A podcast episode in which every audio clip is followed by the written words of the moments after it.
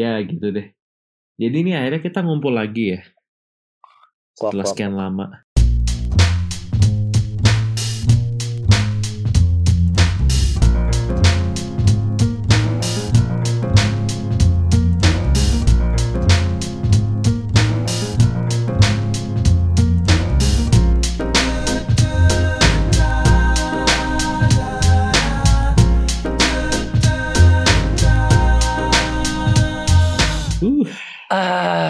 Buset.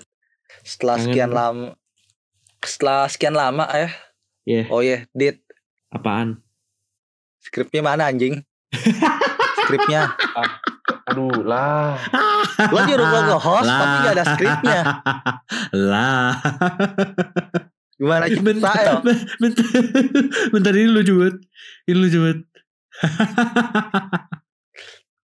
Lo nyuruh gue nge-host Iya nge-host Saya gini Skripnya aja mana Anjing Nah Allah Dit Lo Lo bukan yang ngirim skrip lo salah pas salah kopas lo yang kopas malah tweet kumpulan Twitter bokep anjing. Goblok bukan anjing.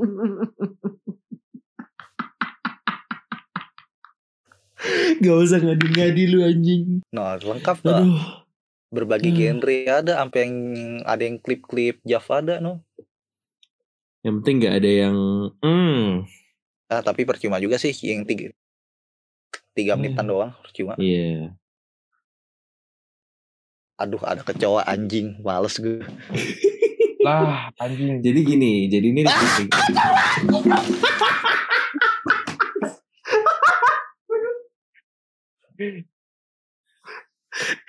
ini ke record ya? Iya lagi anjing.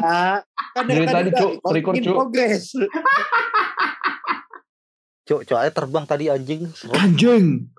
Nyamperin gue makanya gue langsung lari ambil baygon gue. Gue paling males jujur aja sama cowok terbang. Ya nggak ada yang suka kecoa terbang juga sih. Ya ada gitu loh kayak ada aja gitu yang suka sama kecoa terbang.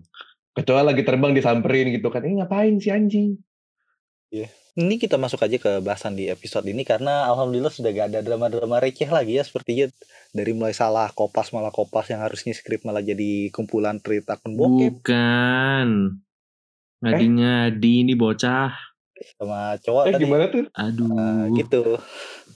Ya, gitu. langsung langsung kita masuk aja. So ada gue datang di podcast Lambi Racing entah episode keberapa gue ngitungin karena gue bukan pegawai dari Badan Statistika Nasional.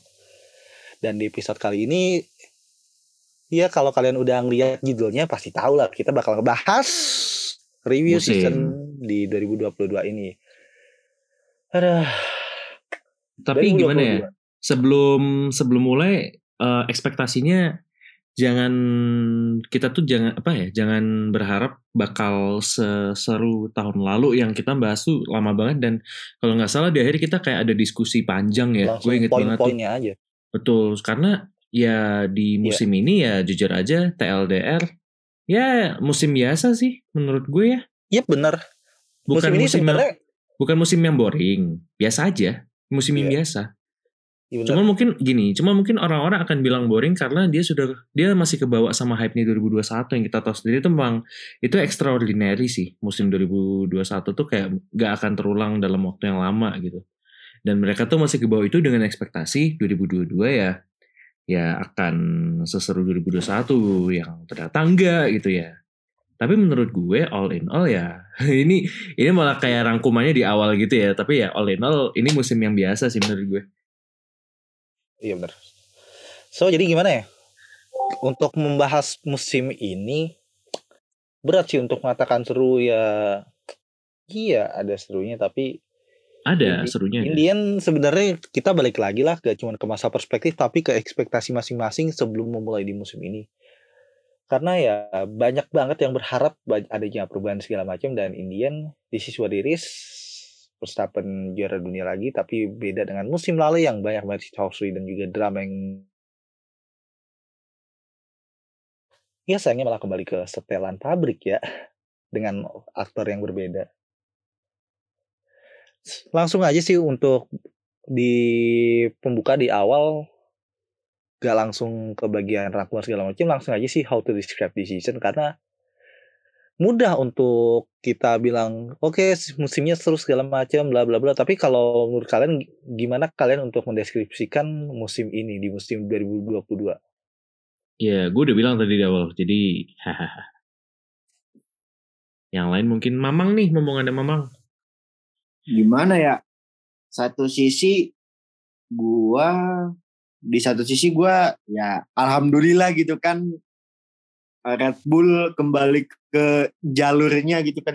Uh, ya nggak tahu juga sih tahun depan kayak gimana tapi setidaknya musim ini sudah kembali ke jalurnya walaupun orang bilang ah bosen dominasi tai. Iyalah gue juga gue juga ngerti sebagai gue yang mungkin bisa dibilang baru-baru ngedukung Red Bull tuh ya baru-baru tahun berapa ya? 2000 2013an ke atas lah yang kayak ah ini gimana sih Mercedes mulu Mercedes mulu? Iya gue paham maksudnya kan. Ini baru season pertama dan mungkin gue ngelihat kalau misalkan Red Bull ke depannya masih kayak gitu gue juga mungkin lama-lama bakal bosen tapi seneng tapi ya pokoknya udah mulai kepredik lah di mulai 2022 ini tapi nggak tahu sih musim depan kita lihat aja. Iya Ya Kalau dari lo sih mungkin ini kayak gak beda jauh kayak itu deh kayak Zoomers dari Boomers. Kayak Zoomers ah. dari Boomers kalau Boomers yang ngejagoin Ferrari untuk Zoomers ini yang ngejagoin Red Bull dan kita akan ngerasain fase yang sama di mana Red Bull mendominasi kayak Ferrari zaman dulu. Walaupun ya di musim depan ada masalah gara-gara overspending budget yang pinter banget ngakalinnya sampai diarahin ke masalah catering jadi kelebihan budget akhirnya kena hukuman Kelebihan tunnel dari wind tunnelnya akhirnya ya. Signifikan dalam pengembangan mobil di musim depan di mana pengurangannya benar-benar signifikan jadi cuma 45 jam kalau salah. Kita gitu. Ya well, kelebihan catering iya. Well kalau mau gue bilang sih sebenarnya musim ini how to describe the season sebenarnya still a good season dan masih seru secara hiburan masih dapat walaupun sayangnya masih banyak banget hal yang balik lagi ke standar kita di mana di awal musim ini banyak perubahan yang didapat, banyak perubahan gak cuma dari sanksi cuman regulasi tapi juga adanya track baru dan segala macam yang sayangnya mungkin gak sesuai sama ekspektasi kita semua ya sebenarnya itu balik lagi ke perspektif dan yeah. penilaian masing-masing tapi ya kembali lagi kalau sebagai orang yang sangat expect something good expect sesuatu yang benar-benar sesuai apa yang dijanjikan kalau deh hasilnya malah gak sesuai sama ekspektasi ya pasti kan ada sedikit perasaan kecewa but still ini kembali lagi ke perspektif orang masing-masing gue rasa bakal uh, gimana ya? Karena orang-orang yang nge-framing segala macam apalagi jadi si tempat kak.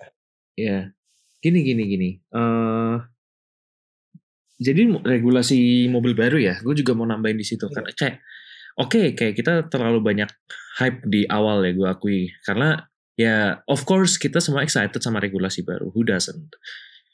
Ke, kecuali pengecualian V6 hybrid. Nggak ada yang excited sama itu.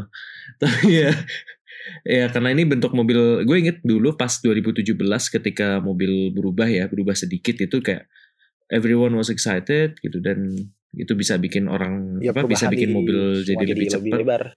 ya mobil lebih lebar hmm. lebih di track lebih cepat gitu kan. Even pas Halo pun yang sempat uh, apa bikin orang-orang pada bergidik karena dibilang kayak sendal jepit atau apa tapi ternyata semua orang langsung melihat fungsi nyatanya gitu. Jadi mereka kayak ya excited lah dengan kedatangan Halo. Dan di tahun 2022 ini mobil berubah total. Jadi memang salah satu hype-nya mungkin dari estetik ya. Estetik kita akan melihat sesuatu yang baru gitu. Dan of course kita dapat sesuatu yang baru visually aesthetically karena mobilnya baru. Ya tapi kalau misalkan uh, action, racing action, kita lihat kita udah bahas di uh, episode Katalunya. Iya. Regulasi baru akan berhasil kalau dia bisa menghasilkan balapan yang menarik di Monaco dan Katalunya. Kita bilang sendiri kok di awal musim. Iya. Dan nyatanya enggak kan? Ada sama sekali dan Iya gak ada sama sekali sebenarnya walaupun orang mungkin bakal melihat momen Russell Verstappen, Russell Verstappen diputer-puter sampai ribuan kali ya lihat lagi kenapa bisa gitu juga gara-gara DRS error men. Nah gini satu lagi masalahnya ternyata regulasi baru ini yang dibilang katanya sangat mengandalkan ground effect sampai bikin porpoisingnya. Wow, ini kayaknya word of the year-nya F1 tahun ini porpoising sih. Jadi kayak itu ternyata selain itu menambah apa ya? Jadi kayak mobil-mobil mobil-mobil ini tuh jadi kayak punya adiksi tersendiri terhadap DRS. Jadi mereka ini sangat bergantung kepada DRS. Kalau nggak ada DRS sama aja. Iya. Nah, ujung-ujungnya balik lagi ke ketergantungan DRS makanya kan sampai muncul wacana baru kalau misalkan mau dibikin semacam reverse DRS gitu yang gue gak ngerti sistemnya gimana Aduh. tapi intinya bikin mobil jadi agak lambat dan pastinya mengurangi ketergantungan DRS but still ini jadi ada isu baru nih ketergantungan DRS jadinya oke okay, mungkin DRS akan membuat situasi overtake tapi proper racing action yang sesungguhnya yang dihasilkan itu apakah emang benar-benar gara-gara DRS itu sih karena balapan kalau misalkan balapan seru ini bukan masalah banyak overtake sampai seribu kali dalam satu lap bukan tapi dari seberapa banyak aksi seru yang bisa dipertontonkan yang dihasilkan oleh para yeah. pembalap selama balapan. Ya balik lagi sih sebenarnya itu perspektif masing-masing karena gue gak mau dibilang jadi si paling-paling apalagi jadi ya kayak gitu framing segala macem. Jadi sebenarnya apa ya dari banyak hal-hal baru di musim ini gitu kan kayak malah daripada on tracknya sebenarnya lebih seru ininya gak sih drama silly season gitu karena memang ya nyatanya gitu kok. Gimana tuh? Iya bener sih. Tapi sebelum masuk ke bagian drama emang kalau kita bahas ke impactnya yang pasti udah keras banget loh. Aksi mungkin semakin meningkat tingkat dari seberapa banyak overtake juga meningkat. Hmm. impact regulasi udah jelas sih aksi hmm. di atas track. Secara stats iya meningkat walaupun secara quality mungkin gak terlalu meningkat tapi balik lagi.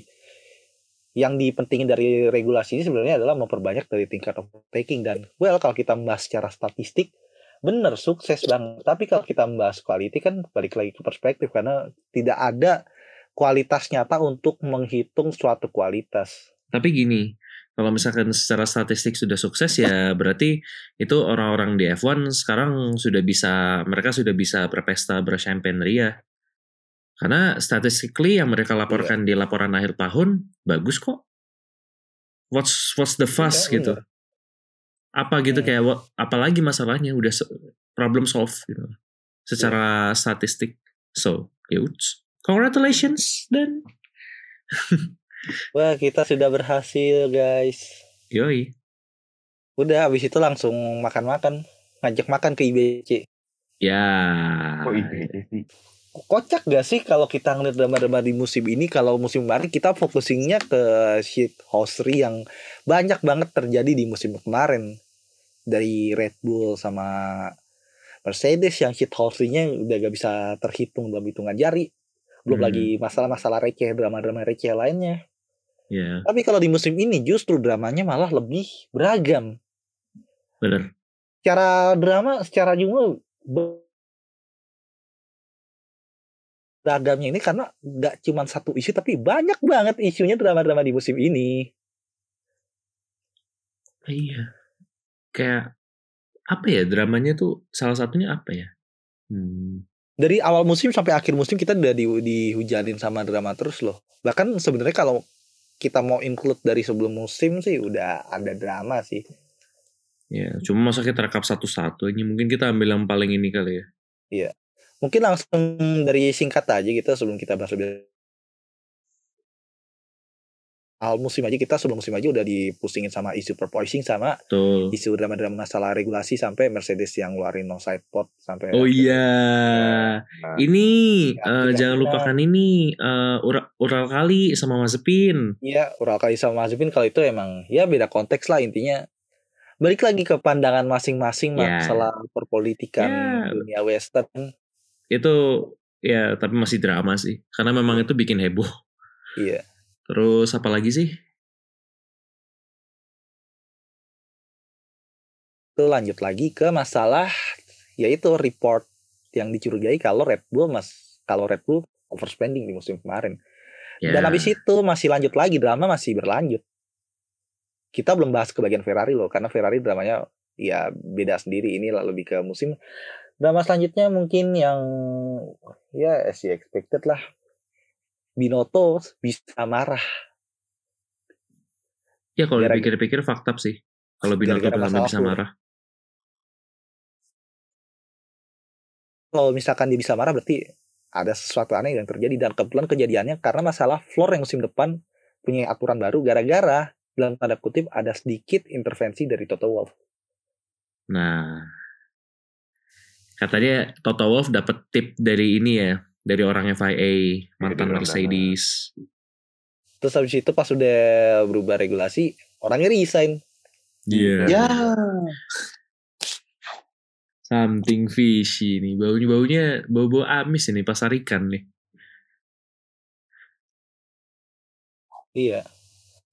Dan kita juga masih belum bahas drama-drama yang lain kayak dramanya si Alonso Ocon di Hungari yang ternyata sebenarnya berlanjut sampai akhir musim sampai di Brazil juga masih ribut dan sekarang pun masih saling adu banter satu sama lain. Mm -hmm baru itu baru Alonso belum Alonso sama Alpine dan juga Alpine sama Piastri yang bikin fiasco sampai rebutan antara di mana akhirnya dimenangkan oleh McLaren untuk mendapatkan seat Piastri di musim depan. Lalu kita juga untuk drama-drama lainnya kita masih belum bahas drama dari Meksiko yang ternyata sebenarnya ini parah banget sih. Orang mungkin bakal fokus ke satu sisi di mana kejadian yang di Brazil, tapi orang akan lupa kejadian di Monaco. Dan kejadian yang yang, yang di Monaco pun juga orang pasti ngefokusinnya sama satu kejadian doang, bukan kejadian yang lain yang kayak tahu nih. Aduh, tapi tahu. Cuman ya, gimana? Ya itu ya gitu sih. Walaupun data telemetri mungkin ada benarnya, tapi sebenarnya isi yang terbesar itu ya kita gak akan membahas masalah itu karena ini berhubungan sama rumah tangga orang daripada kenapa-napa tiba-tiba didor sama pemerintahan Meksiko karena kita mereka mereka baru mengesahkan RKUHP nggak? Waduh, nggak tahu deh.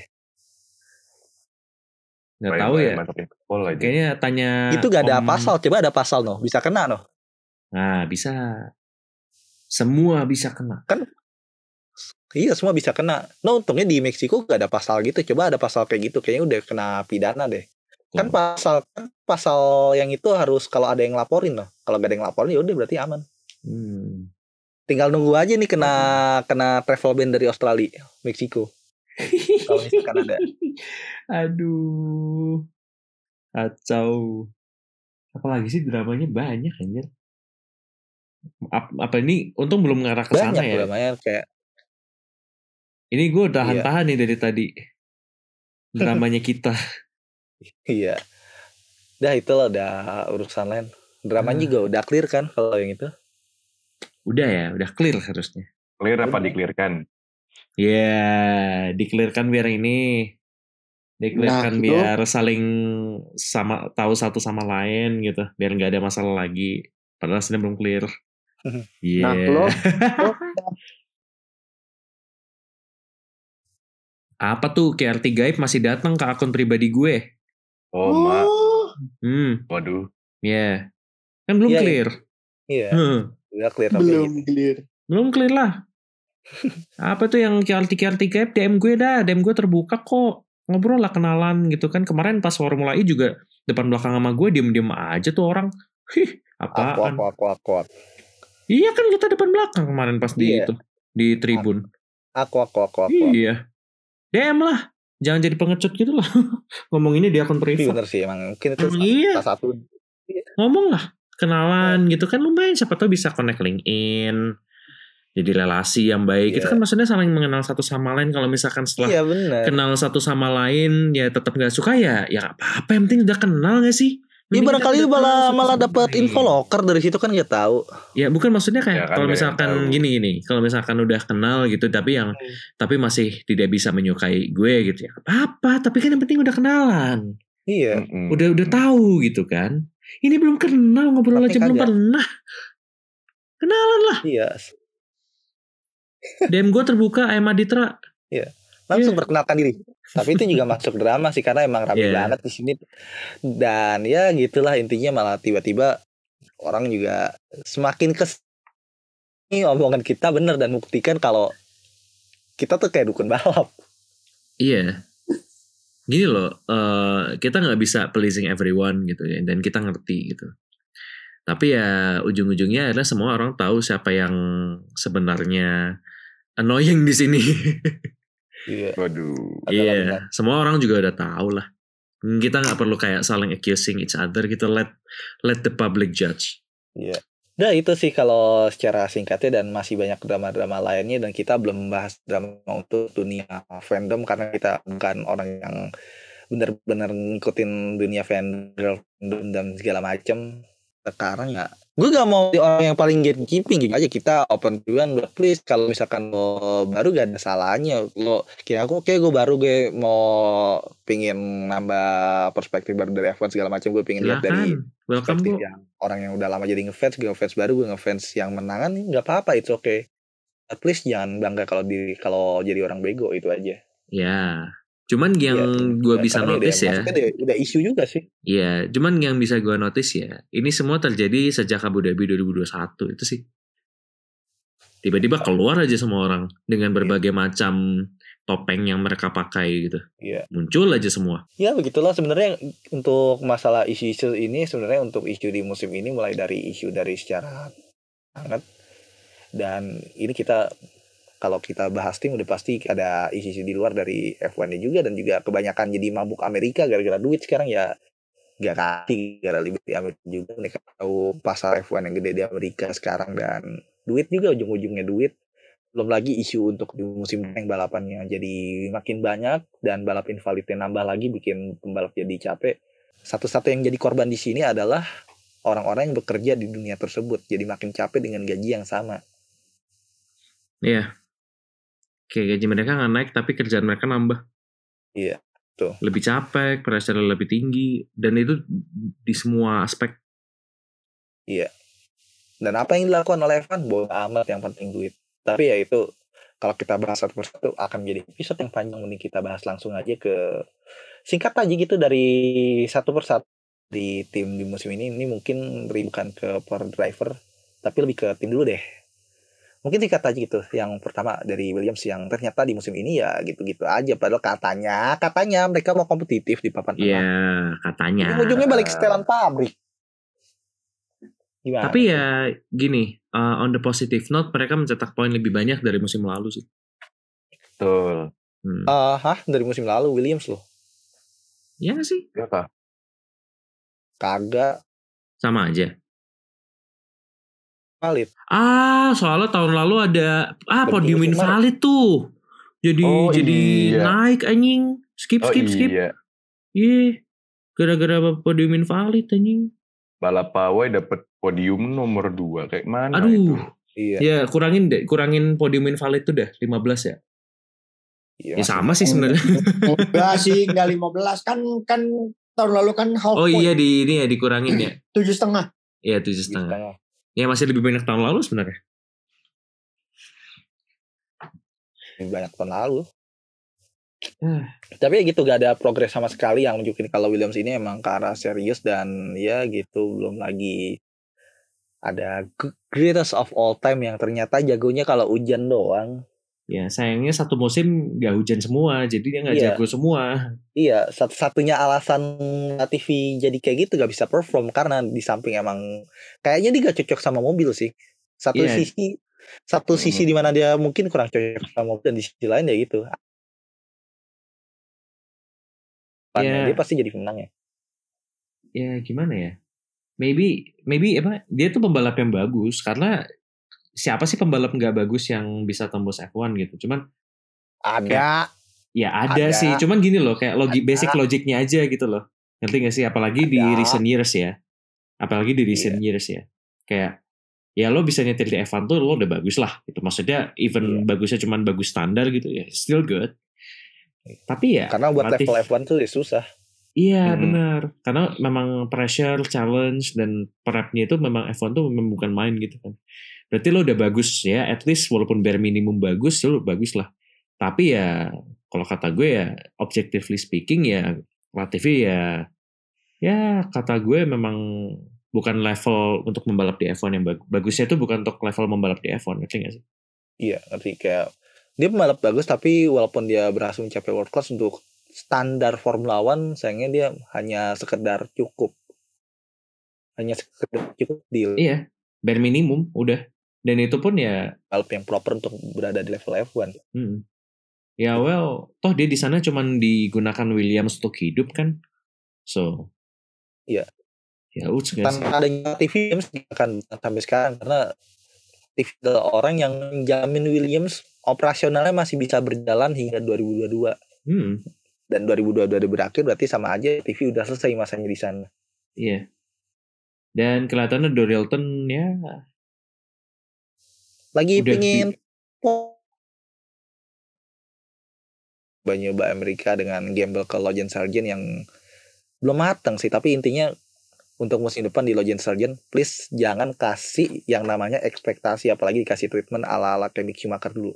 Please jangan kasih ekspektasi biarkan dia berkembang di F1 dulu di musim depan. Kayak ini loh harusnya dia kayak Zoe iya kayak Yu Zoe nggak ngasih ekspektasi apa-apa musim ini dan buktinya dia masuk apa ya dia salah satu breakthrough di musim ini loh karena dia well perform bagus dia bisa keep up sama Botas well walaupun ada di bawahnya but dan kita dia masih, masih belum bisa ngomongin Iya dan kita masih belum ngomongin aksi-aksinya dia bagus loh. Aksi iya, ini kita masih ngomongin Williams loh padahal. Di atas track. Iya. Nanti deh, nanti later on. Cuman ya iya. intinya kayak ya jangan kasih terlalu banyak ekspektasi lah ngasih terlalu banyak ekspektasi dan kalau dikasih standar F1 mending jangan dulu. Ya anggap aja kayak anak magang yang direncanain bakal jadi karyawan tetap dalam enam bulan ke depan. Ya kayak gitu. Nah ya gitu. Ya, tapi ya gimana ya Williams memang ini memang masa-masa kritis sih. Orang apa ya Josh Capito aja bilang kan kalau dia memimpin Williams itu sama dengan lo melakukan operasi jantung di tengah orangnya sedang lari maraton. Iya. Dia bilang sendiri seperti itu. Ya memang every every single step yang diambil tuh sangat risky gitu dan sangat berisiko dan lo benar-benar harus berhati-hati di situ. Karena ya you're, you're lacking resources ya apa terus kayak ya itu memang apa ya ya memang ini sedang proses recovery lah dalam tanda kutip jadi ya ya wajar kalau misalkan Williams nggak begitu kelihatan musim ini dan recovery Ya, dan kita juga tidak bisa ekspektasi Williams akan berkembang musim depan karena menurut gue ini udah terlalu dalam masalahnya. Jadi recovernya juga pasti menurut gue tidak bisa dalam waktu yang singkat. Jadi kalau iya. kata gue sih untuk musim depan jangan ekspektasi apa-apa juga ke Williams well. Kalau misalkan dia end up ada di buntut lagi ya, ya sudah gitu ya memang jadi dimaklumi saja gitu. Ngerti gak sih? Oke segitu. Iya, dimaklumin aja. Tapi yang gue ingin note ya, dari William yang sebenarnya oke okay, lumayan well he's better. Gini gini Grit. Tapi yang gue ingin omongkan di ini Albon ternyata oke okay ya di Williams. Atau mungkin ya, karena lawannya Go TV. Ya dua sisi sih. Dia lawan Go TV dan juga Williams di musim ini. Dia dapat poinnya karena situasional sih. Lihatnya kayak di Australia. Wah di Australia tuh wah itu chat move banget sih. Pit stopnya di lap terakhir banget Iya, karena Gila. Uh, itu chat move banget sih, chat move. Dan bisa dapat poin. Sebenarnya tuh gak bukan sih, soalnya emang di Australia itu tipikal track sebenarnya bisa conserve air kalau misalkan lo pakai kompor yang hard. Lo lihatnya di 2010 bahkan Button pun bisa bilang ah gue bisa finish balapan tanpa ganti ban seorang Jensen Button. Betul. Tipikal emang aspalnya berarti bagus, bukan aspal yang keruakan sampai berdebu bukan aspal yang diaku-aku terbaik di dunia tapi taunya pecah-pecah di ya, surface lagi. ditambal. Katanya ya. bisa absorbing air tuh gitu kan aspal terbaik di dunia. Sama. Hahaha.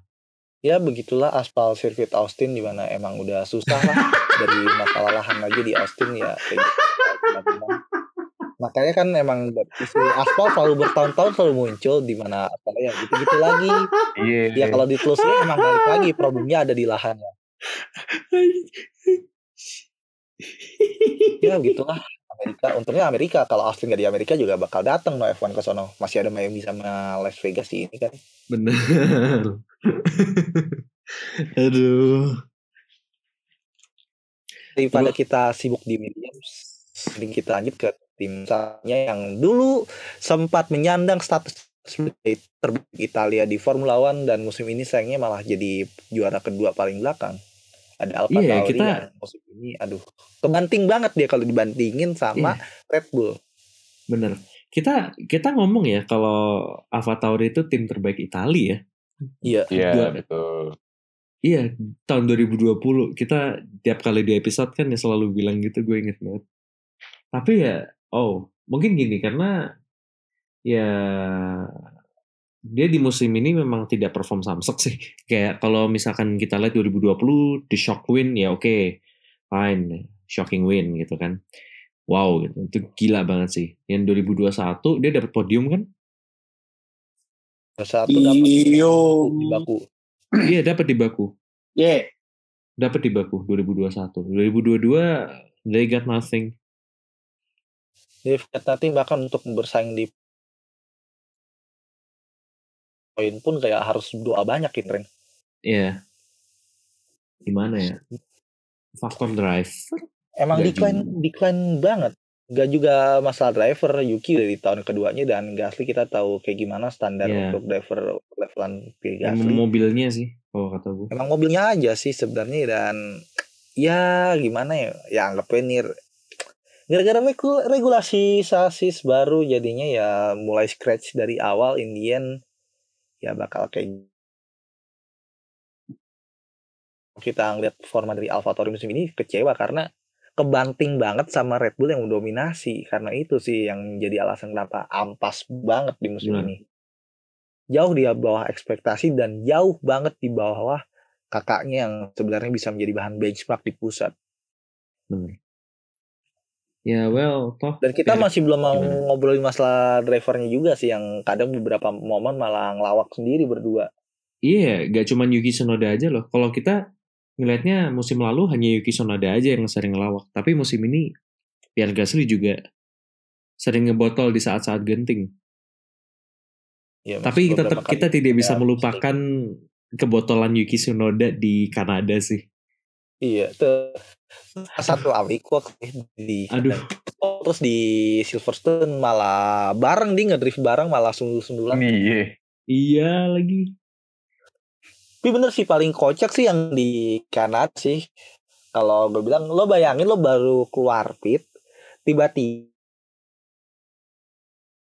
dan lo nembok bikin safety car baru keluar pit ganti ban lo nembok. Jadi secara gak langsung lo ganti ban cuma buat bikin DNF doang buat jemput Vespa. Betul. Alias lo nggak usah ganti ban aja sekalian anjing. Bisa mungkin bisa finish. Iya. Ya mungkin dia recreate driver yang lu pernah test driving di Alfa Tauri dalam tanda kutip Alfa Tauri dulu masih menyandung menyandang nama sebagai Scuderia Toro Rosso Waduh. Iya, yang itu kan yang ada mobilnya di rumahnya kan. Create Sandlile di Abu Dhabi 2015. Ya, anjir. Mungkin dia recreate Sandlile 2015 yang dia keluar pit malah nembok dan ya begitulah agak gila. Eh, jangan jangan jangan bilang gitu tentang Sandlile satu mobil sama Valentino Rossi. Oh coy. iya bener satu mobil dia sama Valentino Rossi. Yo i semobil men sama siapa ya sama greatest of all time Valentino Rossi Yo, i. sebab privilege yang nggak bisa Iya bayangin satu mobil sama gue anjing. Aduh gue lupa mau ngomong apa anjing. Gue lupa mau ngomong apa anjing. Ya elah. Gue kira malah sinyal lo hilang. Taunya lo lupa ngomong apa. Eh. Iya kayak gitu. Oh iya benar. Tapi kalau kita ngebahas AlphaTauri musim ini ya kebanting banget dan mungkin yang bisa difokus jadi bang dibanggain sih lebih ke reach di sosial media kualitas konten-konten Alpha Tauri dari secara grafik juga bagus banget sebenarnya dan mungkin di musim depan akan sayang banget karena musim depan karena pergantian line up di mana Gasly kontraknya dibeli 10 juta sama Alpine dan di musim depan akan jadi tim dengan dua driver dalam tanda kutip paling cebol di Formula One dengan dua driver pendek. Mungkin Betul. ini menjadi salah satu advantage tersendiri bagi Red Bull karena ya balik lagi ke power to weight ratio yang ketolong banget jadi salah satu keunggulan Yuki dan di musim depan yang pasti satu kita tidak konten pelangi antara Yuki Tsunoda dan Pierre Gasly. Iya ya, kayak bromance-nya bahkan sampai di dikira pelangi for some. Karena memang sedekat itu gitu. Iya.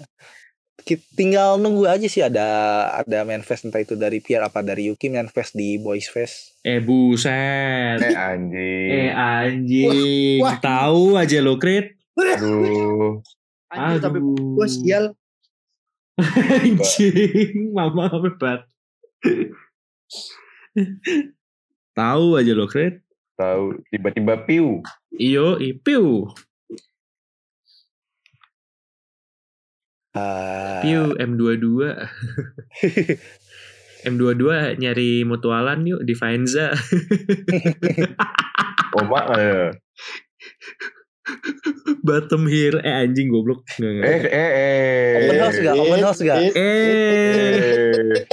Ken host kah bang? Ken host bang? Ken host. Aduh, aduh, aduh, aduh, aduh, aduh, aduh, aduh.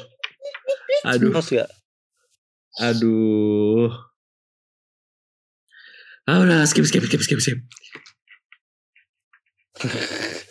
Kenapa kita malah menjadi bahas masalah dunia Burhan ya? Burhan ini. Burhan lagi anjing. Gue kira Bligung. Aduh, Bligung lagi. Tapi gak salah sih kan kan Burhan korbannya anak kecil. Yuki Ya. Iya. Iya, iya, iya, iya sih. Iya sih. Om Pierre. Iya. Om Pi. Aduh. Aduh. Bener-bener kita bahas Konteks ini Bapak dipanggil presiden, Om jangan Om. Aduh. Aduh. Mending kita bahas Alfa Romeo aja gak sih?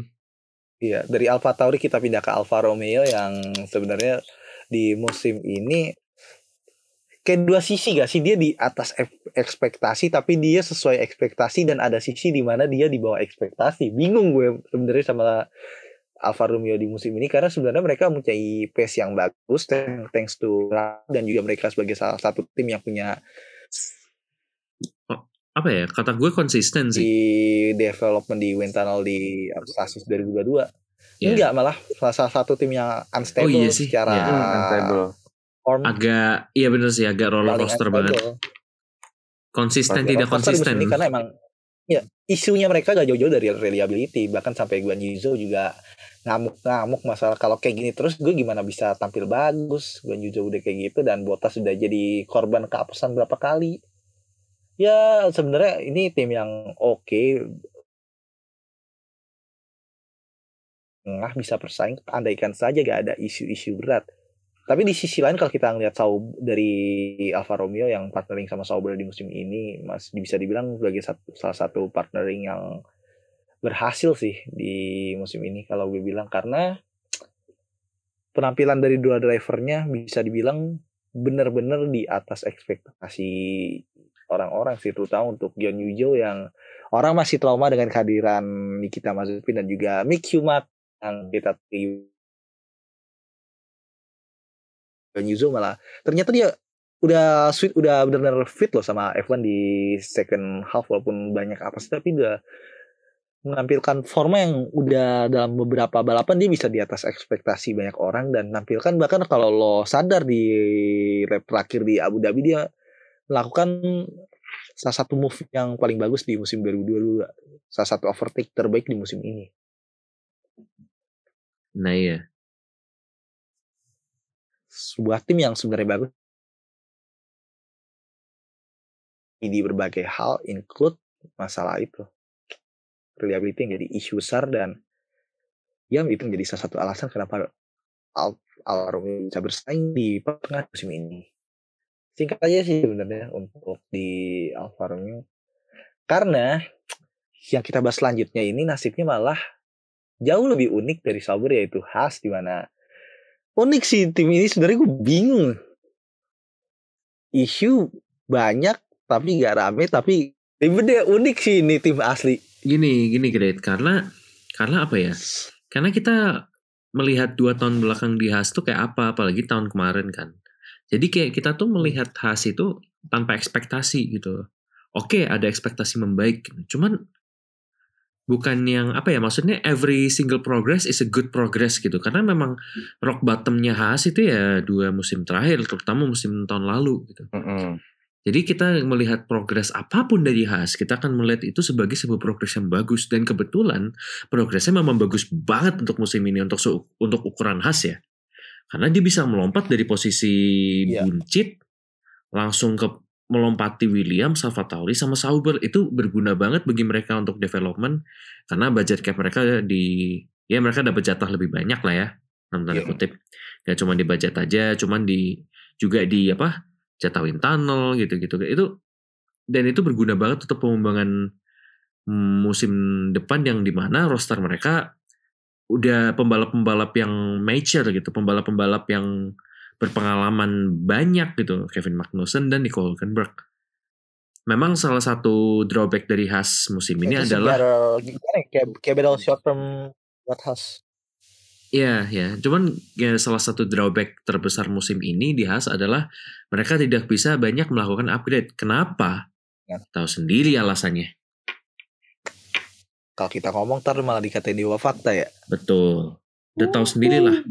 Kenapa kenapa budget bisa habis gitu. Yeah. Mereka tidak bisa melakukan banyak upgrade makanya di uh, paruh akhir musim mereka tidak tidak bisa seperform di awal musim kan. I mean, well, mereka debut aja Magnussen langsung dapat poin loh. Posisi keempat atau kelima lupa gue. Lima apa enam ya? Ya pokoknya inilah. Ya. Efeknya top ya. gitu lah. Iya karena ya. mereka benar-benar ya, sudah tidak bisa. Top five, top five. Iya, mereka tidak bisa mendapatkan poin dalam waktu yang lama dan tiba-tiba mereka langsung dapat poin sebegitu banyak gitu kan which is it's a really good progress gitu loh. Dan kalau lo ngomongin masalah really good progress, yang dapat poin ini adalah pembalap yang sudah satu tahun lebih gak ngebalap dan Bener. gak ngebawa mobil F1. Ya, ini. Yang comeback ini cuma punya waktu gak lebih dari dua minggu dia tiba-tiba bisa dapetin poin. Betul. Ya itu itu yang namanya pengalaman dan skill. Betul. Iya gitu loh. Betul. Makanya skill juga sih makanya Kevin Magnussen bisa dibilang sebagai salah satu driver underrated di betul. dalam 10 tahun ke belakang. Betul. Betul. Gue setuju.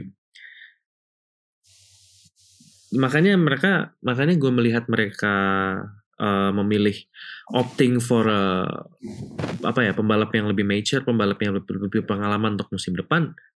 Wah, gue tidak bisa membayangkan sebetapa oke-nya progres Hasi musim depan apalagi mereka dapat Manigram. Uh, benar, mereka dapat sokongan dana yang besar dari Manigram. Langsung jadi title sponsor. Iya. Mereka financially financially secure untuk sampai Gunter bilang berapa lama ya? Pokoknya untuk bertahun-tahun itu mereka financially secure. Iya benar. Tapi gini deh, sebenarnya satu sih yang sebenarnya gue belajar dari kejadian dia sama Rich Energy Drink sih gue bilang. Iya sih. Dari, dari dari semua tim nih untuk di musim depan khas menjadi salah, salah satu tim yang kecuali itu ya, kecuali Sauber dari kecuali Sauber Alfa Romeo untuk musim depan khas menjadi salah satu tim yang keuangan sponsornya kejamin karena untuk tim-tim lainnya sponsornya ada sponsor kripto uh, Red Bull hmm. masih aman banget sih karena Oracle. Title sponsor crypto BTW. Oracle utama, gue ngomongin sponsor utamanya. Oracle-nya aman. Kalau Bybit-nya, Bybit-nya gimana? Iya. Ya, Bybit. Ya, ya. kalau Bybit memang agak-agak ahang-ahang gitu. Cuman Bybit kata gue sih ya. udah cabut, Tezos udah cabut loh. Ya, Tezos udah cabut. Ya, Cuman cabut. kalau kata gue sih Red Bull harusnya fine-fine aja sih dengan Oracle. Oracle misalkan aman sih. Aman banget gila. Berapa aman ratus banget. triliun? Bukan masa berapa ratus triliun juga nih masalahnya.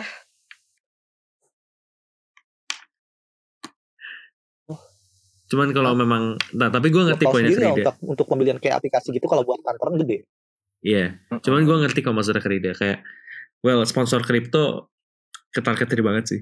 Iya semua tim yang dapat sponsor kripto di musim ini emang benar-benar ketar-ketir bahkan udah banyak yang udah di cut gitu dealnya dan Betul. khas jadi salah satu tim yang nggak mikirin itu karena Mereka nggak ada.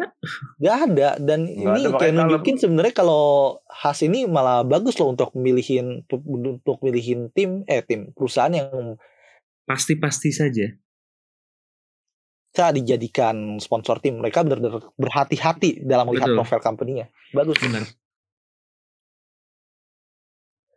Dan ini kita masih belum bahas masalah drivernya juga dan di mana Kevin McNewson sebenarnya di musim ini wah gila jauh banget di atas ekspektasi yeah, dan iya, bahkan dia mendapatkan momen terbaiknya di musim ini dengan mendapatkan first pole position gak wow. cuma untuk khas tapi selama karirnya dia di Formula One. Betul. Itu mengharukan banget sih. Hmm. Makanya uh, gak heran kalau itu jadi best momennya di F1 musim ini. Iya. Siapa sayang, yang, aduh. sayang sih balapannya malah ada balap invalid. Coba gak ada. Ya, iya, ya, aduh, ya. sayang banget. Cuman ya udahlah ya. Ya, poli sepol lah. Ya, tapi ya ujung-ujungnya Magnussen juga ditabrak sama pengangguran. Iya. DNF di lap pertama. Ya udahlah ya. Terus habis itu nunggu lagi selama balapan gak ada yang ngangkut. Angkutannya diambil sama pengangguran. Yang ditabrak siapa? Yang diambil angkutannya siapa? Buset dah. Itu itu apa namanya? Kalau misalkan diangkut berdua pun pasti kayak akut gak sih malah takutnya ribut di mobil. Enggak, katanya uh, angkutannya cuma bisa muat satu. Oh. Terus diserobot sama yang nabrak. Hmm. Muat satu diserobot, terus diiyain aja sama yang itu. Kasusnya yeah. gak beda jauh kayak itu sih, gak beda jauh kayak dulu Rossi sama Stoner di Harris 2011 yang ditolongin malah Rossi padahal Rossi yang bikin jatuh. Aduh. Sampai stonernya tiap Rossi lewat dia tepuk tangan dia. Anjing.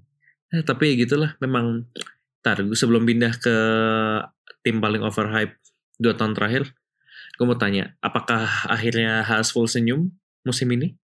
Uh, dua sisi full senyum. Lu bisa full senyum karena di musim ini ya gitu masih banyak isu di mana Kevin Atkinson yang emang bawaannya terlalu agresif akhirnya masih banyak kesalahan dan ya kayak momen-momennya kenapa selalu tektokannya sama Lewis Hamilton. Dan ini kita baru bahas McPherson kita belum bahas Mick Schumacher yang udah. ya udahlah udah males lah dan udah males udah males. lebar. udah tahu sendiri kayak apa. Iya. Dan sampai detik ini masih banyak orang yang menyalahkan Haas daripada Mick. Iya. Dia nyalahin Haas nyalahin Ferrari padahal nggak tahu makasih makasihnya iya anjing buset dah nggak tahu makasih ini. Padahal yang lucu, mic-nya biasa-biasa aja. Dia baru signing reserve driver sama Mercedes ya. Happy-happy aja. Iya, malah banding-bandinginnya sekarang malah itu ke arah bapaknya. Aduh. Bapaknya cabut dari Ferrari ke Mercedes. Padahal aslinya alurnya kebalik. Asli dari Mercedes dulu bapaknya. Iya. Dan Cuman banyak alur, orang gak nyadar aja.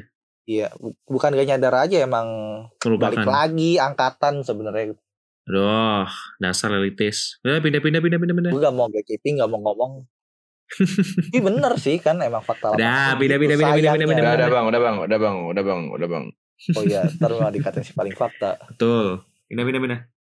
Ya udahlah. Tim paling overhype. Aston Martin pastinya. Iya. Yeah. Eh, di, di di Lamres Awards masuk dua kali berturut-turut loh overhype awardnya Aston yeah. Martin. Karena emang iya. iya. Dua tahun berturut-turut Lambe, Lambe Racing Awards diadain ya. Dua tahun berturut-turut juga Aston Martin masuk ke nominasi. Emang hebat itu tim. Ya Aston Martin ini kayaknya dijaga tim yang sebenarnya jago buat dijadiin marketing bukan dijadiin tim balap. Anjing. Karena jago karena jago untuk bangun hype. Ya nggak salah anjing. Mungkin cocok itu kalau dia bikin event festivalan gitu. Entah uh, kayak Wiwa Aduh. Yang yang overhype tapi ya, masih bisa di lah walaupun ya untungnya bukan tingkat levelan anak SMP sih. Festival kok berasa festival anak SMA pada jutaan buset festival rasa pensi. Itu kan ya, yang baru itu. kemarin bulan September. Yang harga kemarin, jutaan. Tapi rasanya kayak pensi. GS GS pensi. Ya begitulah tapi Pada gimana ya? head in the club aja. Iya tapi gimana ya? Uh, kalau kata gue uh, Aston Martin ini apa ya? Um, walaupun so over hype over hype nya dia gitu menurut gue dia menunjukkan progres yang bagus sih musim ini. Apalagi melihat kalau gue tuh melihat banget ya kalau dia ini menjadikan musim ini itu sebagai stepping stone mereka untuk musim-musim berikutnya sebenarnya bukan stepping stone malah gue memandangnya kalau mereka di musim ini sebenarnya mas lagi membangun Martin ini walaupun kayak gitu dia masih punya potensi dan di musim depan dia udah mulai pakai fasilitas barunya di sekitaran Silverstone pabrik barunya. Makanya jadi kayak nah, ya itu. Hmm. tapi beside of that progress sebenarnya emang Aston Martin untuk dibilang sebagai overhype di musim ini ya emang benar banget Benar, benar. Kombinasi bagus antara tim overhype dan juga driver yang overhype walaupun emang faktanya overhype tapi yeah. masih iya. ada progres bagus di late season. Sangat hmm. telat banget sih tapi emang overhype banget. Yeah. Malah gue sekarang yeah, lebih gak sabar sama musim bakal depan bagus, sih. bakal balik prime segala macam drivernya yeah. lalalala kayak gitu. Nah gini, yeah. Gua... Baru pertama lalu juga di Barcelona kalau lo masih inget mobilnya Kopas mobilnya Red Bull. Iya. Oh iya. Ah hari-hari tracing point. Ujung -ujung. Udah kopas, eh malah di overlap. ya itu sih percuma itu, itu sih. Di overlapnya sama mobil yang di RS error lagi.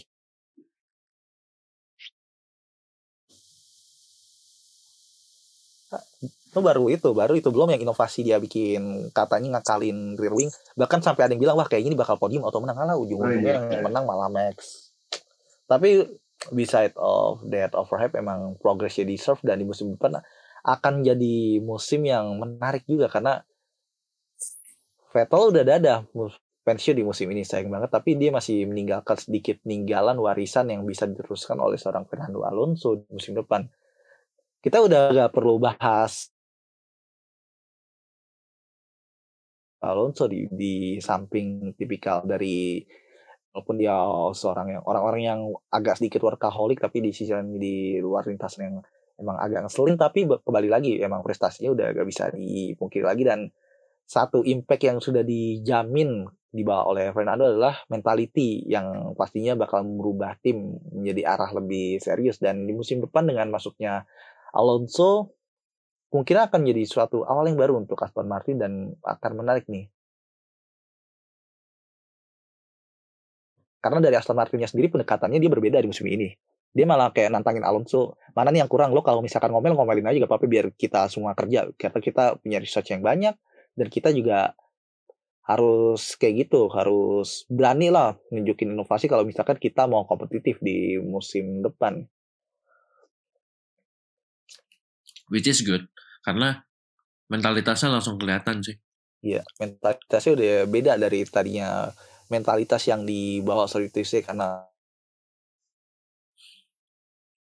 mentalitas pemenang bukan seorang juara dan dengan kedatangan Alonso vibes-nya bakal jauh beda banget. Yeah. Gue bisa ngejamin musim depan Aston Martin walaupun mungkin sekecewa-kecewanya walaupun itu tapi vibes-nya akan jauh lebih beda hmm. dibandingin musim ini. Bukan hmm. sebagai tim PR yang kerjaannya malah fokus tapi isu sana sini. Ya, tapi memang eh, kita pernah bahas ini gak sih lengkap? Iya. Hmm. Ya, mungkin daripada lama-lama kita ngomongin tim overhype, kita pindah ke tim Awik Walk. Nah, ini apa ini? Awik Walk nih. Awik Walk kita masuk ke tim, tim Awik Walk.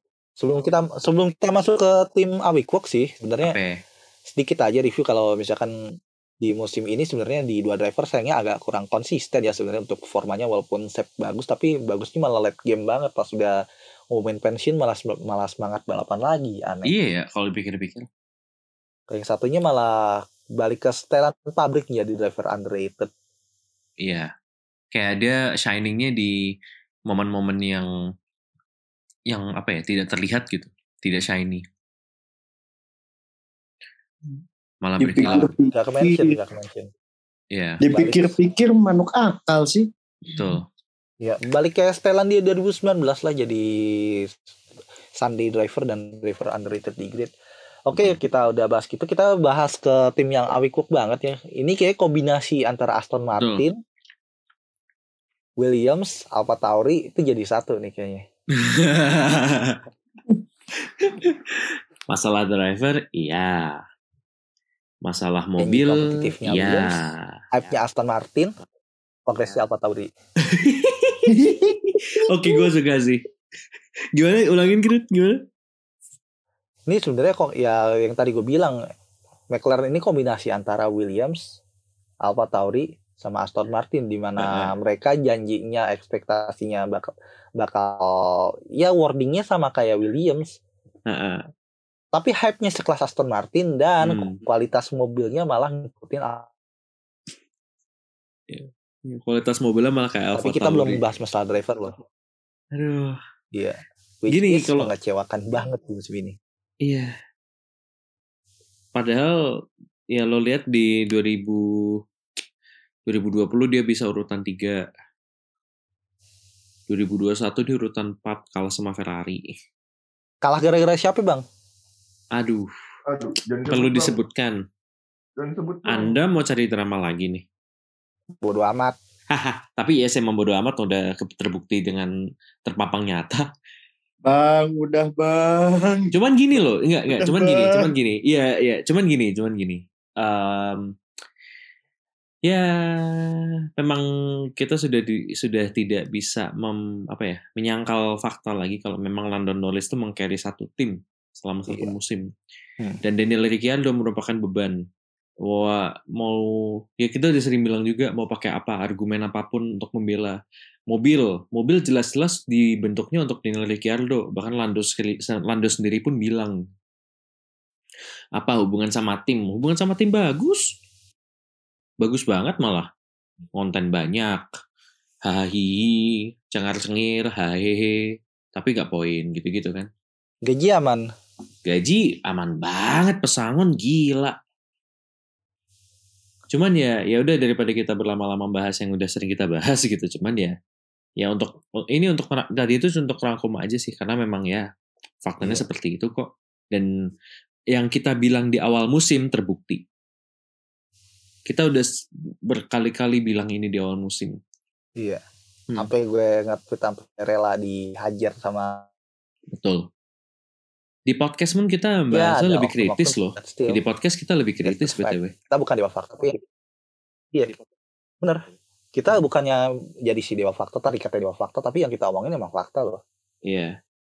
Terbukti kok. Jadi ya ya udah case close sih kalau kata gue.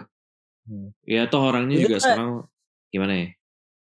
Udahlah emang paling bener kita mending diajak bercanda aja karena kalau kita udah diajak serius bahasannya akan bakal beda banget dan gak semua orang bisa menerima. Ya gitu deh. Tapi ya gimana ya McLaren tuh untuk musim ini dia kebanyakan Favivu sih kalau aku bilang. Iya. gimana ya?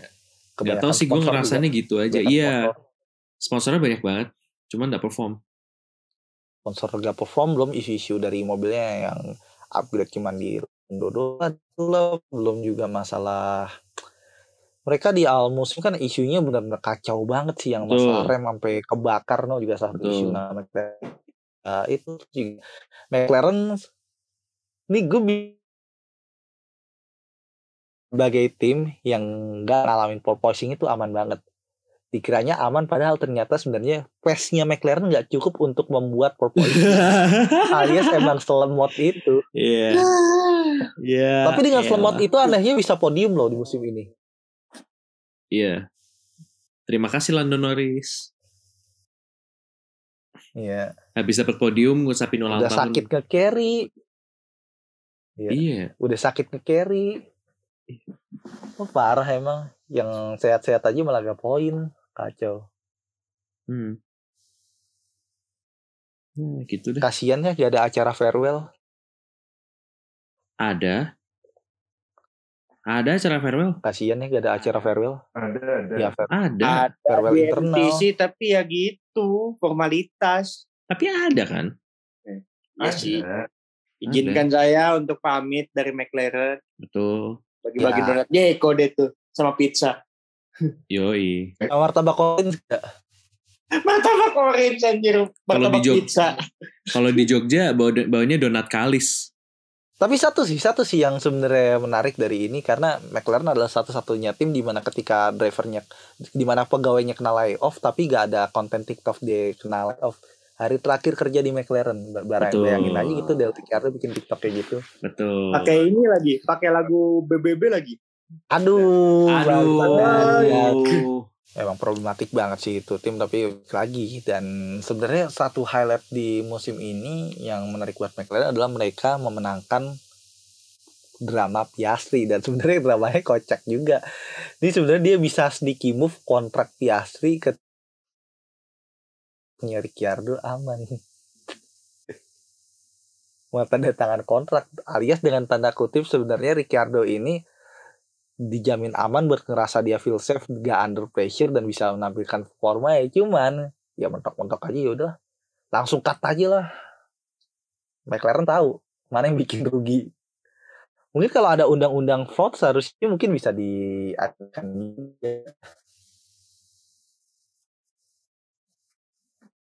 gaji tas pay driver aduh. Aduh. Pusing sih. Nah, lanjut, lanjut. bahkan musim ini mereka kalah sama Alp sama Alp, Alpine McLaren bersaing tapi kalah gara-gara ya itu. Jadi ya gitu lagi. Padahal yang dikalahin tim yang sebenarnya drama mulu kerjaannya di musim ini. Bahkan kalau kita ngeliatin drama Ferrari sebenarnya oh ternyata Ferrari dramanya yang gitu-gitu aja Betul. bukan, drama yang receh kayak Alpine. Gue aduh angkat tangan deh. Batut, ya ini sebenarnya dari Batut of the Year. Makanya gue heran di Lamres Ya udah, kemarin kok kayak- pada milih Ferrari sih. Udah jelas. Clear Alpine. ya balik lagi kan nggak semua orang memiliki pemahaman dan perspektif yang sama jadi mohon maaf kalau misalkan Ya, yang menjadi ya udahlah ya. Ya. favorit kayak gitu karena ujung-ujungnya ujung-ujungnya kan pemenang ditentukan oleh voting ibarat lo Betul. ikut ajang nyanyi walaupun Iya. suara lo jelek tapi voting SMS lo banyak lo juga menang Ya udah lanjut aja. Alpine dari orang tertentu lanjut aja. Berarti Alpine gimana? ya gitulah drama di Alpine dari awal musim bacok-bacokan Esteban Alonso yang berlanjut sampai di akhir musim bahkan setelah Alonso udah farewell cabut pun juga udah bacok-bacokannya masih ada aduh mulut lewat via interview banyak Eh, Saling klik. Ntar. sama lain Ah, enggak, wa- wifi gue kayaknya mulai ngadet. Bentar. ya IndiHome Ya, pindah ke tethering dulu.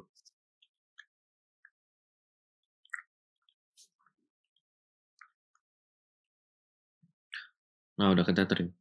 Coba cek ngomong. Halo, tes. Tes.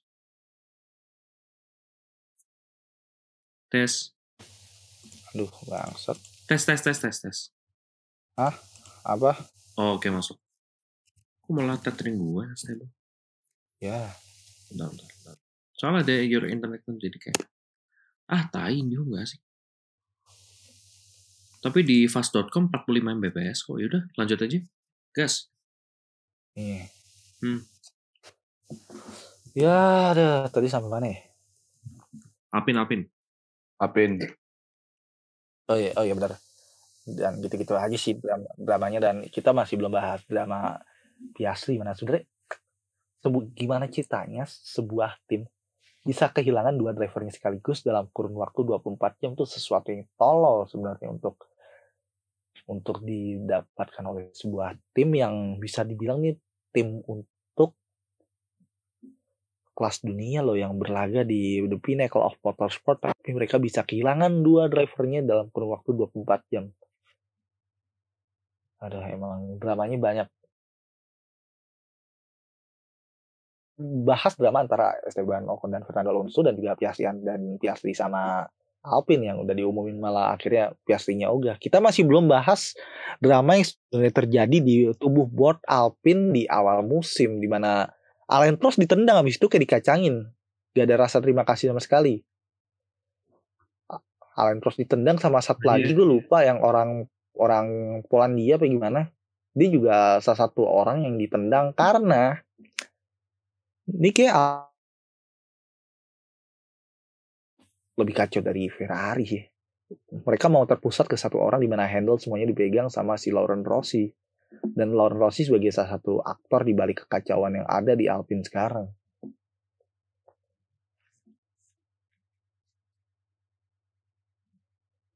Banyak banget sih sebenarnya problem-problem Alpine dan kita belum bahas gamble mereka di reliability yang dialami oleh seorang Fernando Alonso yang mungkin sebagai salah satu hal di mana ini kelemahan dari Fernando Alonso di mana dia kalau bawa mobil settingannya kayak settingan ewek paksa emang bener high terus untuk makanya engine usage-nya. Dan ya begitulah akhirnya reliability yang kena serang dan hasil finishnya yang sebenarnya ngerugiin. Bahkan banyak banget potensi seperti dapat podium yang sebenarnya sayang banget Alpine tol banyak momen. Aduh. Mana kehilangan Fernando Alonso di musim depan? Mereka mengganti Alonso dengan orang yang ribut sama Ocon di level junior. Demi satu kata yaitu French Connection. Kalau menurut lo sendiri kalau situasi di Alpine ini kayak gimana nih? Karena menurut gue di fuck up banget sih sebenarnya di Alpine dan kalau misalkan kejadian kayak gitu dialami oleh suatu tim berarti yang nggak bener bukan referee lagi berarti emang ya, ya. gimana ya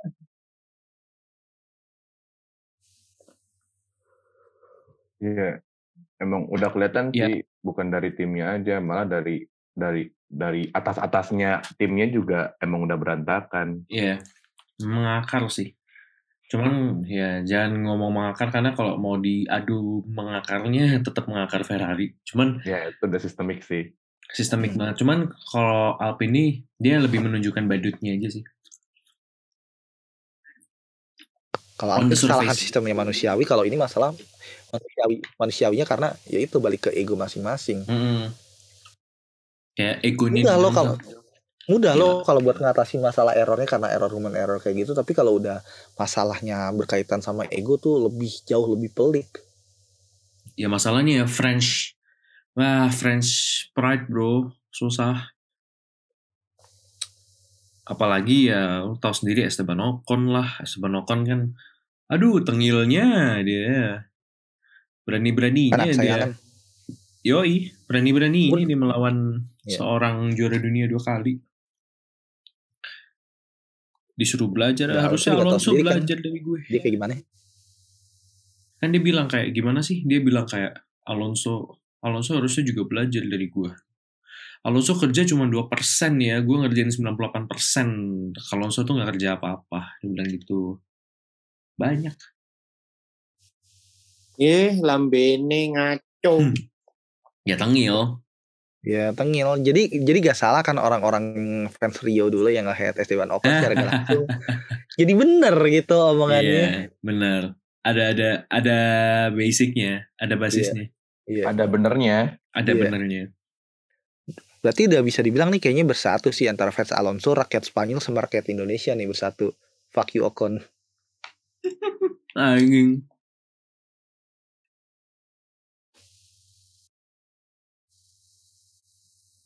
Iya suaranya kenapa Dit? Nah. Apalagi ya? Apalagi sih kalau Alpine udah gak sih? Ribet sih sebenarnya kalau misalkan diruntut emang problemnya banyak kalau di satu-satu emang banyak dan Indian balik lagi sih sebenarnya lebih pelik Alpine di mana Ferrari kalau Ferrari ya problemnya gitu-gitu aja di naik-naikin aja lah sebenarnya problemnya kalau Alpine malah jauh lebih pelik karena problemnya balik lagi ke ego masing-masing. Sekarang kita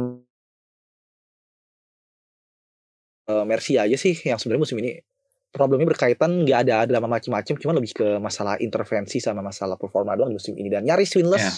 di mana akhirnya bisa menang melalui George Russell yang sayangnya di giliran menang malah yang lebih rame dramanya bukan yang menang iya yeah. yang menang siapa yang dibahas siapa eh bukan main hmm. tapi satu sih yang sebenarnya di musim ini bagian dari Mercy ini sebenarnya agak gimana ya akhirnya kita bisa melihat seorang Lewis Hamilton menjalani winless season iya sepanjang karirnya di F1 win streaknya yang di tiap season pasti ada minimal satu, aduh udah nggak ada. Sky Sport bingung mana nih yang bisa dibanggain di musim ini. Anjing.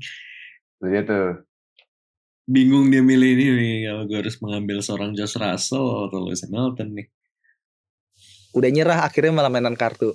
Yoi. Mainan kartunya nyerang Max Verstappen akhirnya. Aduh. Badut, badut. Cuman ya gimana intinya? Mercedes ini um, dia mengambil dia gini gini dia mengambil gamble yang salah sih di awal musim dengan no side pot uh, kemudian desain floor yang aduh yang iya, ternyata iya, malah mengundang porpoising begitu besar mengganggu performa.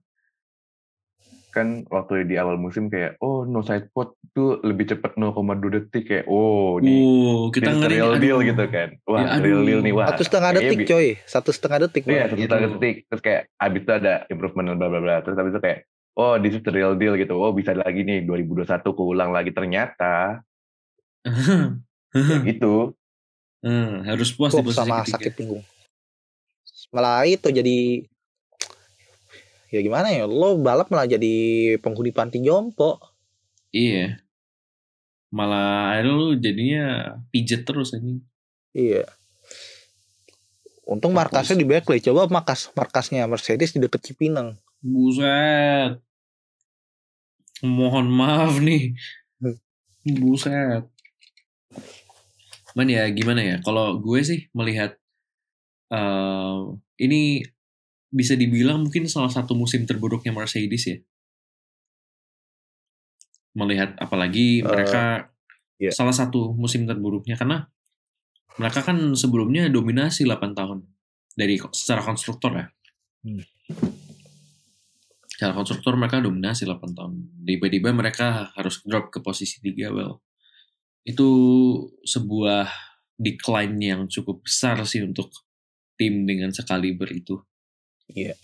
Buat sekali Ya, sekali Mercedes bisa turun sampai posisi iya, tiga. Kebanting banget sih. Kebanting. Tapi emang problemnya banyak banget. Problem, problemnya emang banyak banget dan kita masih belum bahas masalah emang dari sisi drivernya masih beberapa kali error depan ya George Russell yang sebenarnya jago tapi sebenarnya ternyata gas jago itu emang masih leaky error dan Lewis Hamilton ya sama-sama umurnya 37 lah sama yang baru dikeluarin dari klub Inggris cabang M. Intinya ada inisial hmm. M. Dan ya itulah ya.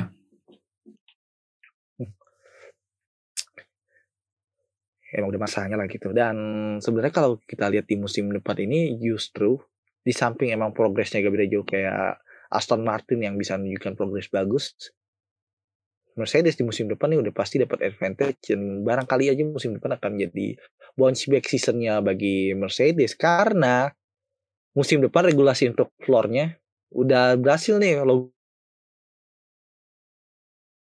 FIA dan orang salah satu orang yang bantu di bagian di FIA-nya ex orang RC yang sekarang udah resign. Dan dia juga ikut terlibat dalam itu juga. Berarti agak sedikit sus juga sih sebenarnya. Dan ya kalau misalkan musim depan bisa bagus lebih bagus di musim ini jauh lebih bagus di musim ini. Kalau misalkan tiba-tiba jadi tim menangan lagi ya agak kaget. Jangan kaget lah dan daripada kita bahas selama di Mercedes kayaknya soalnya sebenarnya kita bahasnya gak beda jauh dari ya udah RBPT di awal musim diketawain dan di akhir musim malah akhirnya Gamble berhasil reliability udah diperbaiki yang ternyata jauh lebih baik dari Ferrari dan hmm. akhirnya malah dominasi banget di musim ini hmm. untouchable. Woi, ini bahkan sampai Honda aja sebenarnya gak, gak comeback loh. iya, tiba-tiba malah labil banget. Soalnya iya. balik lagi ke Honda di Honda sendiri di Honda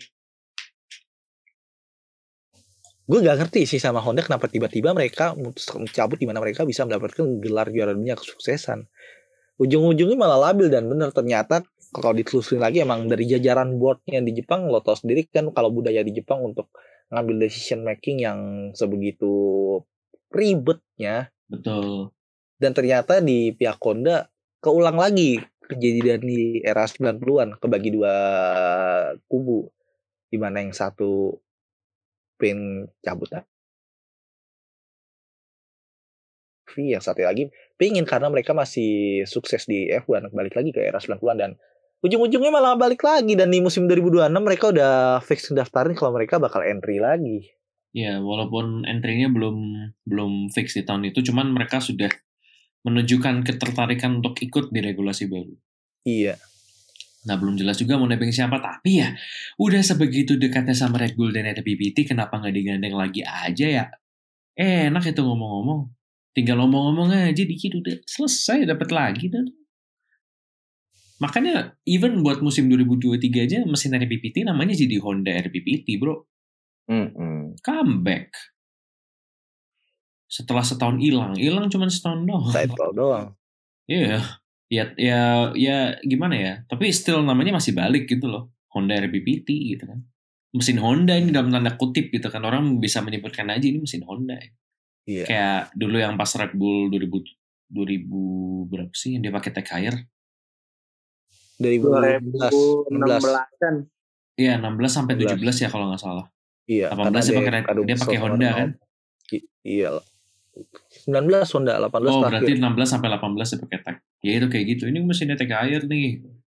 Nah, sebenarnya di nol. Ini bilang orang bisa bisa bisa bisa aja bilang kayak ini mesin Honda nih, padahal mesin RBPT, but still masih ada involvement Honda di RBPT. Makanya kayak Honda tuh kayak setengah kayak labil anjing. Buset dah. Iya. Emang labil sih. Labil. Asli. Labil sih. Labil. Gak jelas anjing. Ya, lanjutlah. Tapi kalau misalkan melihat Red Bull ya, well congratulations sih karena mereka benar-benar nggak tahu ya mungkin banget. dominate banget. Gak tau gue bi gue bisa menyambungkan ini sama si musim 2021 yang di mana itu mungkin benar-benar kena mental ke semua orang di dalam tim tapi kena mentalnya dalam konteks yang baik ya dalam konteks bagus positif yeah. gitu. satu tim kena mental beneran sih makanya mereka kayak bener-bener winning mentality-nya bisa kebentuk banget di musim ini. Gue nggak tahu kalau championship mentality ini gimana but still winning mentality-nya di Red Bull masih apa ya kebentuk banget lah. Mungkin ke bawah hype di 2021 tapi ya ah they deserve it. Really so, deserve it.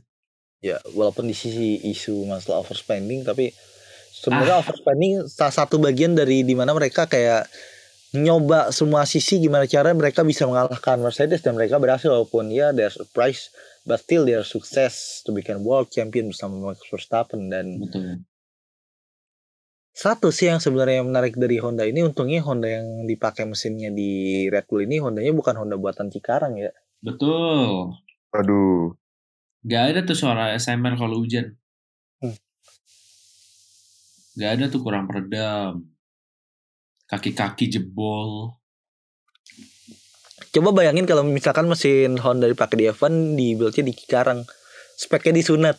Yoi. Aduh, sunat-sunat spek. Sunat-sunat spek. bro. Betul. Itu kalau mau dihubungkan lagi sama Honda yang satunya yang di Cikarang itu baut-bautnya diganti kabel tis ya itu ya. mah itu, itu, mah beda. anak magang iya, anak magang beda cabang cabang roda yeah, dua ada beda beda cabang gitu cuman ya somehow ended up di situ kabel ganti apa buat ganti kabel tis buatnya hilang lah iyo belum ganti oli mah bilangnya turun mesin ya aduh Bang turun mesin aja deh bang ini bang. Aduh.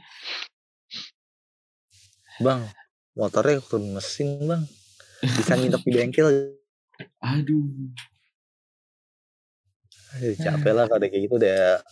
Ya pengalaman udah jadi korban juga sebenarnya kayak gitu ya. Sebenarnya kalau mau jalan juga ya ah gitu balik lagi ke ada standar SOP masing-masing yang ya kayak gitulah ya gitulah ya ya well tapi ya sebenarnya kita bahasannya sisa satu gak sih? Iya. Sekarang kalau kita bahas Red Bull lagi ya dominan dominan lagi kalau misalkan kita bahas ya bahas drama ya gitu-gitu lagi drama udah dibahas. Dan panjang sebenarnya kalau kita bahas drama karena emang mengakar banget dan ujung-ujungnya adalah ambil dari perspektif lain. Kalau misalkan kita melihat drama di Red Bull karena jangan percaya apa pun yang dibaca sama media apalagi iya, sama orang iya. ngambek dan yang terakhir tim terakhir nih hmm. ya udah hmm. tinggal kalian pasti ngerti lah siapa tim yang belum disebutin karena kita udah bahas berepisode-episode kita yeah. membahas kegoblokan ini tim yang ternyata masih berlanjut. Gue kira di musim 2021 ketika mereka udah blossoming, udah improve segala macam, udah berhasil banget ngalahkan ekspektasi banyak orang.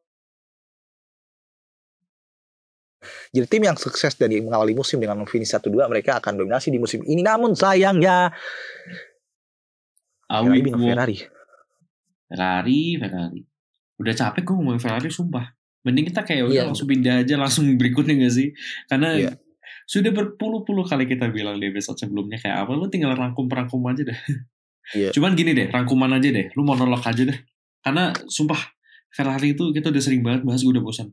Lu, yeah, lu rangkum aja deh monolog rangkum aja pokoknya intinya sih Ferrari adalah sebuah tim balap yang sebenarnya problematiknya ini sudah mengakar dan seluruh sistem atas ke bawah tuh udah sistematik problemnya dan sayangnya yang jadi batu samsaknya cuma satu karena problem masa gaya leadership yang dianggap gak cocok padahal sebenarnya untuk pendekatannya dia lebih ke humanis dan bukan tipikal yang ngeblaming banget di depan media. Dan ya untuk Ferrari sendiri mohon kerjasamanya ya kepada para fans Ferrari juga agar tidak masang ekspektasi yang besar. Karena sebenarnya satu sisi yang bisa sebenarnya nggak mungkin nggak semua orang bisa terima tapi kita seharusnya menerima kalau sebenarnya alasan kenapa Ferrari jadi terlihat segoblok ini karena kita semua yang salah. Kita memberi ekspektasi yang besar pada Ferrari. Iya, Ferrari akan menjadi Ferrari, akan menjadi Ferrari terus. Selama mereka masih belum pelajari apa aja permasalahan dan kesalahan yang mereka alami bermasa-masa dari dulu sampai sekarang. Ribet kalau udah ngurus Ferrari males capek tapi ya gitu. Nggak cuma suara hati seorang tifosi tapi suara hati seorang fans dan juga suara hati seorang admin yang udah bosen liatin orang-orang ngatain Ferrari. Sebenarnya mau teriak goblok pun juga ya masa gue mau teriak goblok lagi? Nggak ada gitu variasi yang lain buat ngatain. Capek gue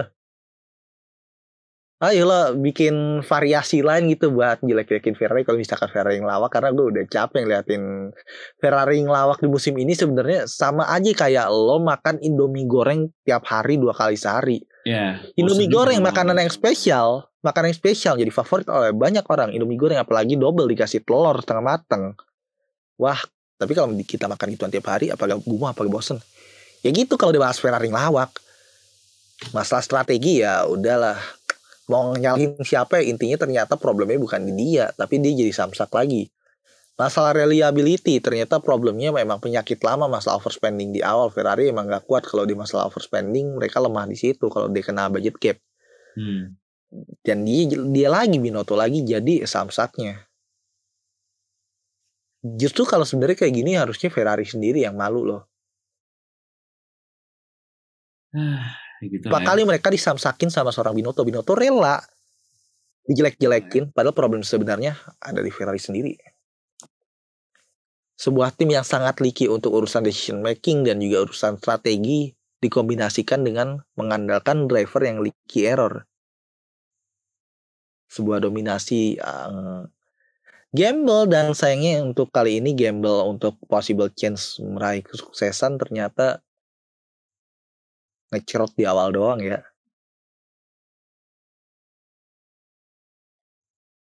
Tiga balapan pertama bagus habis itu dadah.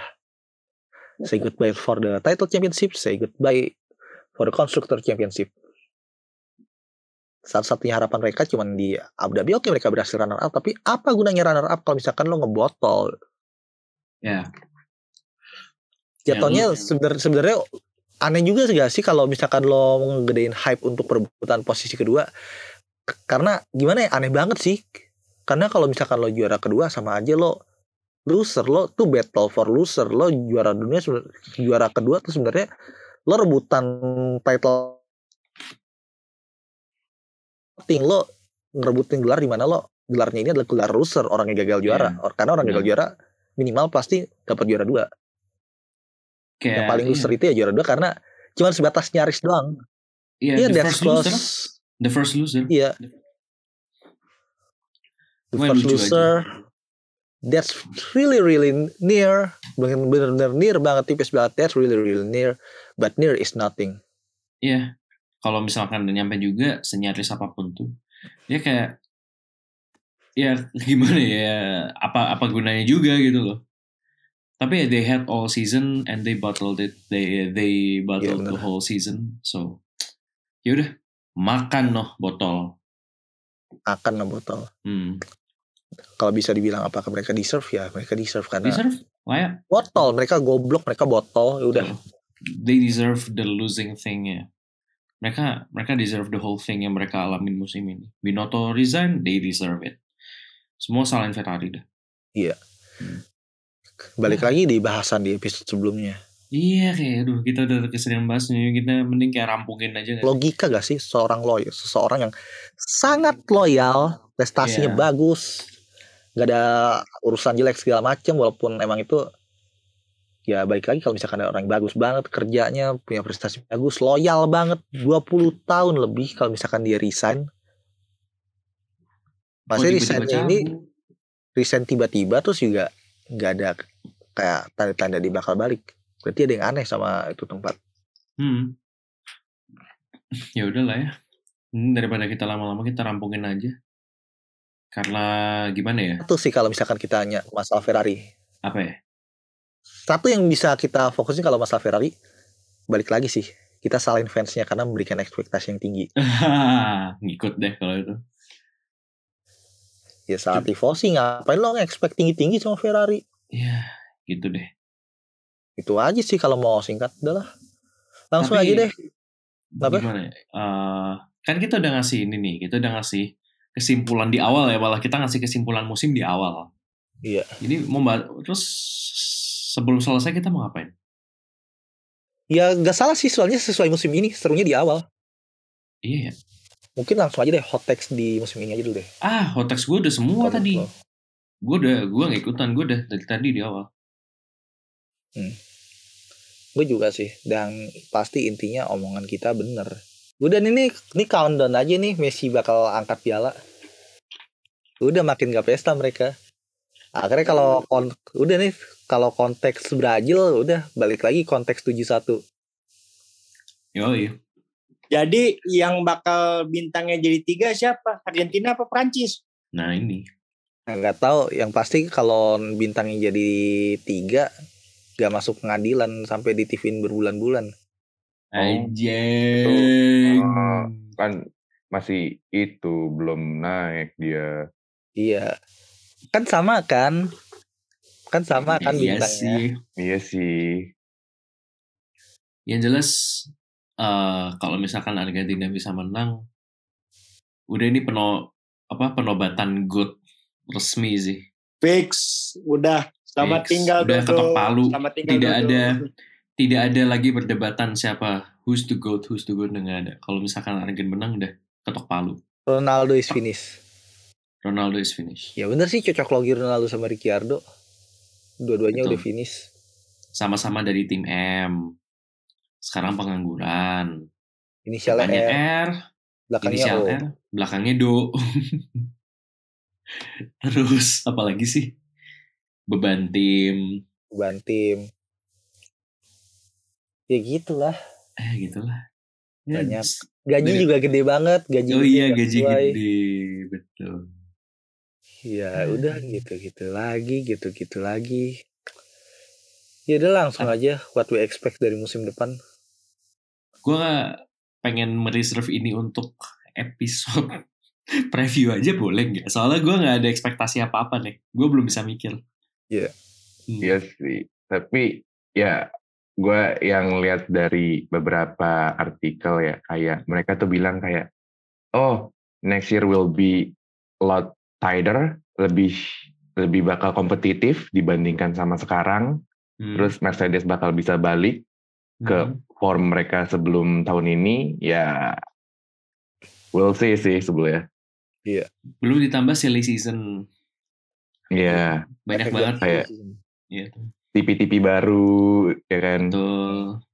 Kita pengen lihat TV-TV baru seperti apa kayak Andrea Stella di McLaren, uh, Fasul di Ferrari. Mari kita lihat. Apakah keberani? Apakah benar kalau dia bisa membawa apa ya Mojo sebagai non orang Itali ke Ferrari gitu kan? Who knows? Nanti kita tunggu saja. Kita lihat. Yeah. Dan sepertinya butuh research sih karena ah ini mending di reserve aja gak sih untuk episode preview. Sumpah. Iya sih. Hmm. Tapi yang pasti what we expect musim depan yang pasti dari banyaknya perubahan akan menimbulkan something good di musim depan gak cuma masalah hiburan tapi untuk ya semuanya untuk balapannya juga jauh lebih kompetitif dan ada Las Vegas coy. Iya, Oh, ada iya. Las Vegas walaupun Akhirnya balapan nonton balapan di Amerika serasa nonton balapan di Asia coy. iya, Hari Minggu siang. yoi. Cuman ya jangan expect banyak-banyak lah kalau balapannya di Amerika A itu week aja. walk, ya. Ya lah cuman kayak apa? Udah capek lah sama Miami. Iya anjing. Iya sih, apa namanya? Akhirnya gua ada jadwal nonton Amerika tapi nggak bentrok ya Allah, capek gua, fokusnya kepecah. Salah satu alasan kenapa gue sama balapan Amerika udah gak mau ngikutin lagi kayak gitu jadwal. Semakin gede semakin gak ada waktu buat nontonnya. Emang udah umur-umur. Asupan Senin subuh tuh padahal tuh lumayan. Emang faktor umur juga sih akhirnya udah gak bisa ngikutin semuanya kayak dulu. Ya bener sih faktor umur karena kita lagi berada di fase menuju fase om-om. Bener juga. Iya bener. Ada benernya. Iya bener kan fase om-om dan kita ini sebenarnya adalah kumpulan para kumpulan wonderkid bapak-bapak. Kita anjing. Ya, ya seperti tapi gini. Seperti Ronaldo yang sudah finish, mungkin kita saatnya memfinishkan episode ini. Kenapa Ronaldo gak satunya lagi? Oh iya, seperti Ricciardo yang sudah finish, mungkin sudah saatnya kita memfinishkan episode ini. Kita berarti udah kelar di episode untuk review dari kita di musim ini yang pasti untuk reviewnya kita bukan orang yang paling teknikal dan bukan si strategi snob yang nonton balapan gara-gara strategi buset lo gak sekalian ngocok liatin strategi lo lo main FM sambil ngocok no jadi strategi snob Anjing. Gaceng gara-gara lihat 4231 Aduh. Alah. gitu pada makin kacau lagi bahasannya Iya, makin anjing, malam Makin malam. makin malam makin kacau ntar kita malah bahas itu lagi bahas dunia dunia goib sampai bahas Iya. masalah kiamat Iya. Udah sekian dari situ aja dan mungkin satu sih yang bisa gue mungkin penutup deh. Gue ada tebak-tebakan buat kalian semua. Apa nih? Eh, kalau polisi pakai batik, Hmm? motifnya itu motif apa? ya? Motif pembunuhan. Salah. Apa? Kan motifnya gak jelas. Ah, Orang Eh. motifnya masih diselidiki. aduh. Aduh. Iya juga sih ya. Keren, Rek. Gua end meeting sekarang nih anjing gua stop tim recording. tuh kayak tuh. Udah thank you banget di episode kali ini Terima kasih bagi yang mendengarkan Di mana pun dan kapan pun kalian berada Entah kalian sedang sendiri berdua bareng teman-teman Atau bareng selingkuhan Atau mungkin bareng hubungan anda Hubungan anjing. Terima kasih telah mendengarkan episode ini. Semoga kalian semua sehat selalu dan tetap positif menjalankan kehidupan kalian di mana pun dan kapan pun kalian berada. Stay in positive mood. Sekian dan terima kasih. Gak ada kalimat aneh-aneh kecuali yang tadi. Gue tidak cabut. Ciao and see you in the next episode. Kita next episode bakal bahas langsung Kaleidoskop 2022. Yoi. Ciao. Oh iya bahas World Cup gak? Oh, mau bikin review World Cup nih.